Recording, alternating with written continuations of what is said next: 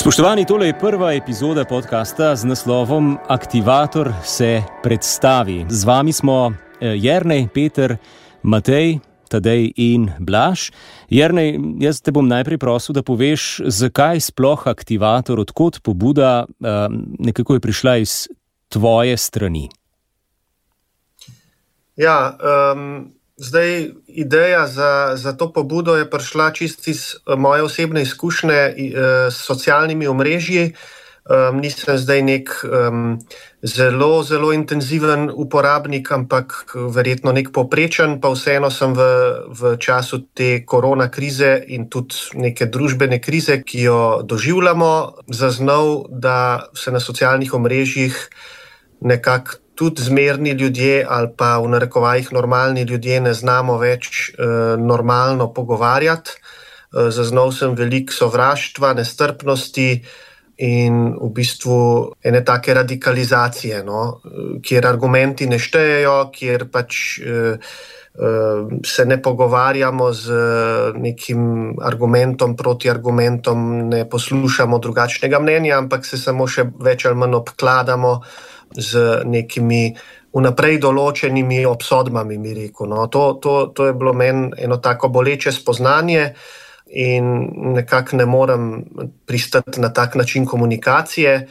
Um, tudi osebno sem videl, da sem temu podvržen, noben od iz tega se mi zdi, da ni izuzet, uh, vedno izkušnjava. Uh, za vsakega, tudi za me, da bi, da bi se malo jezil, pa malo popluval nasprotno misleče. No? Ampak um, iz te želje, da bi vse naredili nekaj uh, za več dialoga, uh, da bi eno kulturo pogovarjanja obudili iz te želje nekako je, je nastala pobuda Aktivator. Uh mhm, -huh, rodil se je Aktivator nekje tam v začetku prvega vala epidemije, nekako se bliža prvi rojstnodnevni svečki. Dobro, zdaj pa eh, mogoče na kratko vsak eh, pove svoje ime oziroma se predstavi, zakaj je zraven od vsega začetka. Torej, Jrnej, Ja, um, jaz sem Jrnej Kastelec, sem po poklicu filmski režiser, delam tudi eh, kot pedagog. Kot sem rekel, ni moje področje, to, s čimer se ukvarjamo, se mi pa zdi, da lahko en, en mali delček eh, k boljši družbi tudi jaz pripomorem. Super, gremo kar naprej, Peter. Sem Peter Perše, delam kot novinar v uredništvu verskih oddaj na televiziji Slovenija. Jaz bi rekel, da je aktivator kar sam poiskal mene. In sicer eh, takrat, ko je nastal, sem eh, se odločil narediti eno novico tudi za našo oddajo o poslanstvu aktivatorja, ker se mi je zdela prava stvar v pravem času. In nekako iz tistega pogovora sem se čutil tudi osebno nagovorjen in sem nekako si želel sodelovati. Pravzaprav sem se sam potem povabil, če lahko kaj prispevam. Nekako se mi je zdelo, da je to eno področje, kjer se jaz tudi v službi recimo, srečujem z ljudmi zelo različnih prepričanj. Da mi nekako uspeva, morda tudi pač zaradi vzgoja in vsega, kar sem, uh, graditi neke mostove. In zato sem potem stopil v kontakt z Jrnejem, zdaj sem tukaj, kolikor pač po svojih močeh, glede na vse obveznosti, lahko morda nekaj malega prispevam. Hvala, Peter. Aktivator je tudi tedej. Ja, živijo, moje ime je Tedej Rifel, sem učitelj in samostojni raziskovalec, eh, zaposlen v Zavodu svetega Stanislava. Če je Jrnej prej rekel, da ni tok človek družbenih omrežij, sem jaz v določenem obdobju takrat zagotovo še, ko je aktivator nastajal, bil precej dejaven z mnenji, stališči in uh, tudi v nekem dialogu, vse tako upam. In me je Jrnej zaradi tega verjetno tudi uh, kontaktiral, me povabil, tega vabila sem se zelo razveselil, ker sem tudi sam večkrat opazil, da je pomembno, da nismo v nekih težnjah ali pa poskusih po vzpostavitvi dialoga sami, da ni to samo neka pobožna želja, ampak da imamo res eh, nekaj konkretnega pač v mislih in da to tudi naredimo. In se mi zdi pomembno tudi, da je ta pobuda v bistvu res, z, smo sicer iz različnih vetrov, pa tako, ne poklicno, ampak vendarle vsi pripadamo civilni družbi. Podobnih nazorov, nikakor pa, nikakor pa ne enakih. In uh, zakaj pa ne bi v tem razburkanem času tudi te um, epidemije pač poskusili iskati ene alternativne poti tega, kako se v družbi lahko udejstvujemo in med sebojno pogovarjamo, tako kot je tudi Jarni rekel. Hvala, Tadej in še Matej. Živijo, jaz sem pa Matej Cepin, vodim socialno akademijo v Ljubljani, kjer tudi živim. V aktivator sem bil tudi povabljen in sem bil zelo presenečen, da sem bil povabljen in sem bil tega vabila res zelo vesel. Iz več razlogov. Najprej zato, ker so tukaj res uh, razmišljujoči ljudje, dialoški ljudje, podobni, a hkrati nekoliko različnih korenin. Moje nekakšne sanje oziroma vizija eh, za tisti delovni del mojega življenja je to, da eh, vidim, koliko različnih darov imamo eh, vsak od nas posebej v svoji edinstvenosti danih ampak se večina teh darov ne razvije in se ne podari neki skupnosti.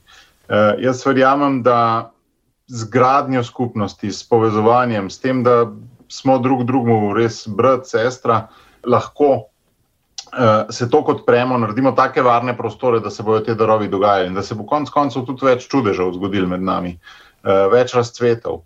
In tega v bistvu ni brez uh, spoštovanja različnih, drugačnih, brez uh, pristnega dialoga, ki niso samo besede. Uh, in zato sem bil aktivatorja zelo vesel, ker je drzen v tem dialogu.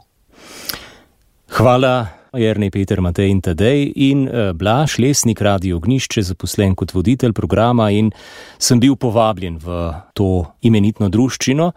Izziv je v tem času sploh zelo velik, zato me je ta pobuda pritegnila živeti dialog že doma v osebnih odnosih, živeti dialog tudi v družbi. Eh, to je nekaj, kar me osebno zelo nagovarja, zato sem zraven. Zdaj pa predlagam, da vsak, ki lahko podeli čisto na kratko, morda v enem stavku, kaj zanj pomeni dialog, da to stori zdaj, se pravi, kako ga sam doživlja v svojem življenju. Jaz, ker sem bil zdaj zadnji, bom pa začel, mogoče mi besede, ki jih je zapisal papež Frančišek v okrožnici Vsi bratje, odzvanjajo. To je zauzeta hoja, tudi v tišini, tudi v trpljenju, hoja, ki je sposobna potrpežljivega zbiranja, poslušanja, eh, izkušenj tako posameznikov kot skupin ljudi. In um, kot je prej rekel Matej, dialog res nisem, niso samo besede, radici sicer živimo od njih, ampak veliko krat je tudi tišina tista, ki lahko odpre prostor dialogu. Tako, zdaj pa mogoče gremo v obratnem vrstnem redu. Matej? Ja, to, da dialog niso samo besede, ampak tudi drzna dejanja, se mi zdi res uh, pomembno. Zdi se mi, da imamo dve možnosti. Ali se, kot je tudi papež Frančišek v tej isti okrožnici rekel, zapiramo za zidove teh naših mestnih državic, ali pa gremo v divjino izven eh, teh državic in se eh, tam srečamo z različnimi eh, težkimi situacijami, ki so nam morda celo neznane. Eh, ranljivost je ena taka pomembna dimenzija eh, dialoga. Uh, biti ranljiv vedno pomeni soočanje z bolečino, in um, iti zavestno v to je nekoliko noro. Um, samo vprašanje, koliko sem tega že zmožen, koliko imam še kapacitete, da se to lahko naučim. In um, nekako se mi zdi, da smo, da smo vedno na poti. No? Ok, hvala, Tadej. Ja, jaz eh, vzamem izziv, rekel si v enem stavku, lahko poskusim, pa pol še pojasnim. Torej, jaz bi rekel, da je dialog v bistvu iskanje iz neke skrivnostne odprtosti, ki nam ni čisto jasna, da iščemo drugega v tem, kar je, hkrati pa premagujemo neko lastno uh, zaprtost. Um, drugač pa zelo klasično, jaz ta pogovor med dvema ali pa med večjimi res razumem kot iskanje smisla, ker to je tudi logos.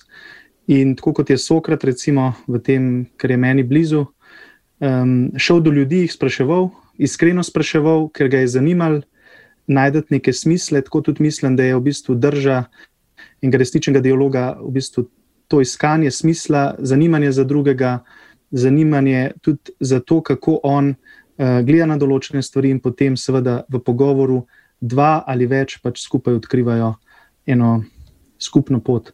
Pa tudi to, se, v čemer se seveda razlikujejo in s tem ni seveda eh, nič narobe. Smisel odpiranja prostora, skupna pot, hvala te, da je uh, Peter. Ja, sam mislim, da je dialog edina trajnostna pot uh, v prihodnost. Da tekmovalnost, ki smo ji bili priče, ali pa smo jo priče v tem svetu, rojeva sovražnike, da dialog pa rojeva prijatelje. In na, na dolgi rok, jaz mislim, da rojeva brate. No, in to tudi pravi papež, prav v tej okrožnici, pa tudi v drugih. Če je Bog oče, potem smo bratje. In uh, se mi zdi, da smo pač, da to je ta notranji vzgib, zakaj v bistvu iskati dobro v ljudeh in da je tega dobrega bistveno več, kot pa tega, kar nas uh, ločuje. Tako na kratko. Hvala. In še Jrnej? Ja, jaz mislim, uh, mogoče en vidik dialoga, da je, da je ravno to, se je bilo že podarjeno, da je to nekaj, kar se um, zgodi med dvema ali pa med več uh, ljudmi, ki ne, is, ne mislijo isto, ampak so pripravljeni neko pot skupno hoditi. Tako da vsekakor za dialog ne more, ne more nastati um, z enim samim človekom, pa če je še tako popolno njegovo um, nazorsko prepričanje. Spoznavam pa vedno bolj, da je za, za dialog um, res nujen pogoj čas, se pravi, da se ga ne da na hitro vzpostaviti. In ena pot prijateljstva, no? um, ker če nekako zljubiš človeka, ki je zelo drugačen od tebe, potem si zmožen dialoga. Uh, če pa tega ni, je pa težko, težko živeti neko odprtost. Aktivator je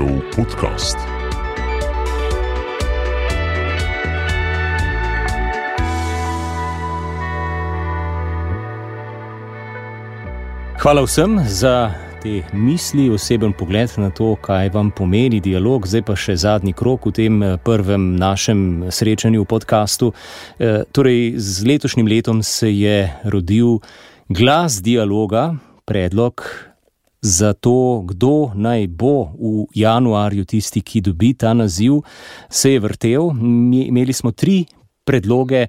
Prvi Dejan Židan, ki je navedel, da ima tudi pozitivno izkušnjo sodelovanja z ministrom Ciglerjem Kraljem in zato eh, ni podal svojega podpisa pod interpelacijo opozicije. Drugi predlog, moralni teolog Gabriel Kavčič za izražanje svojih misli o tem, kaj je dialog ob interpretaciji sveda um, okrožnice papeža Frančiška.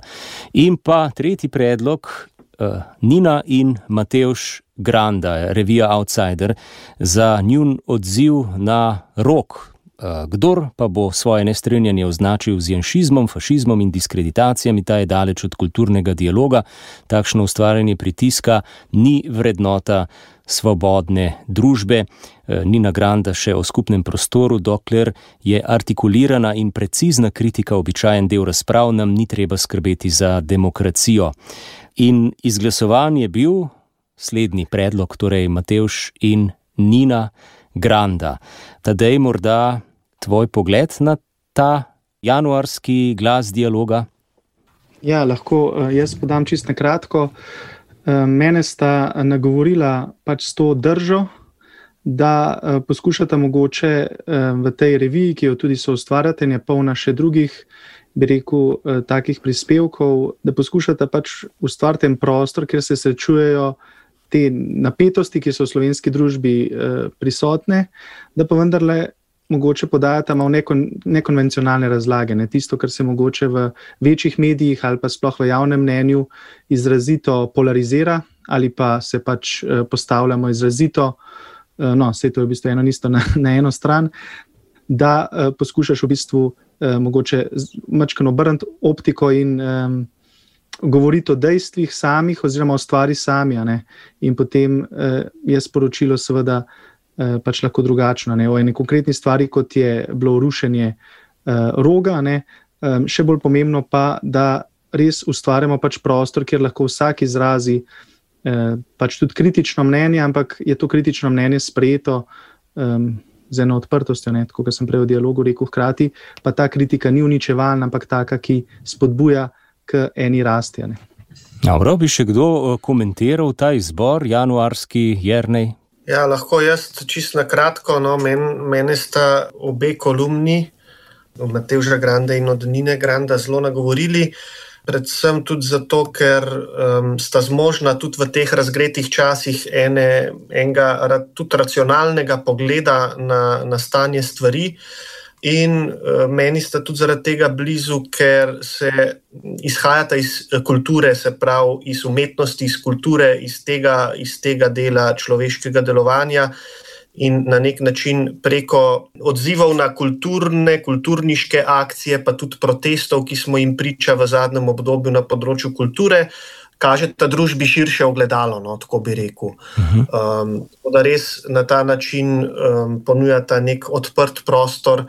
Ki presega neko sploščeno miselnost enih in drugih skrajnosti v družbi. Ja, hvala. Torej, ogledalo, širok prostor, še uh, Peter. Ja, težko kaj dodati. Eh, tudi mene sta nagovorila, predvsem s tem, da sta na kulturen uh, način upozorila uh, tudi na zlorabe, ki se dogajajo v prostoru, in da sta to naredila, bi rekel, strokovno in nekako argumentirano. Se pravi, o temi, ki je vroča politična, recimo, sta spregovorila na en tak način, ki veliko pove na spoštljiv način. Toliko v prvi epizodi, prvem delu našega podcasta. Eh, hvala lepa. Glas dialoga meseca januarja je znan. Upam, da ga bomo lahko povabili tudi pred mikrofon in spregovorili o tem, zakaj sta se odločila argumentirati rogovo dejanje oziroma rok na tak način. Peter, Jrnej Matej, tedej. Hvala lepa in aktivator naj živi. Hvala lepa, enako.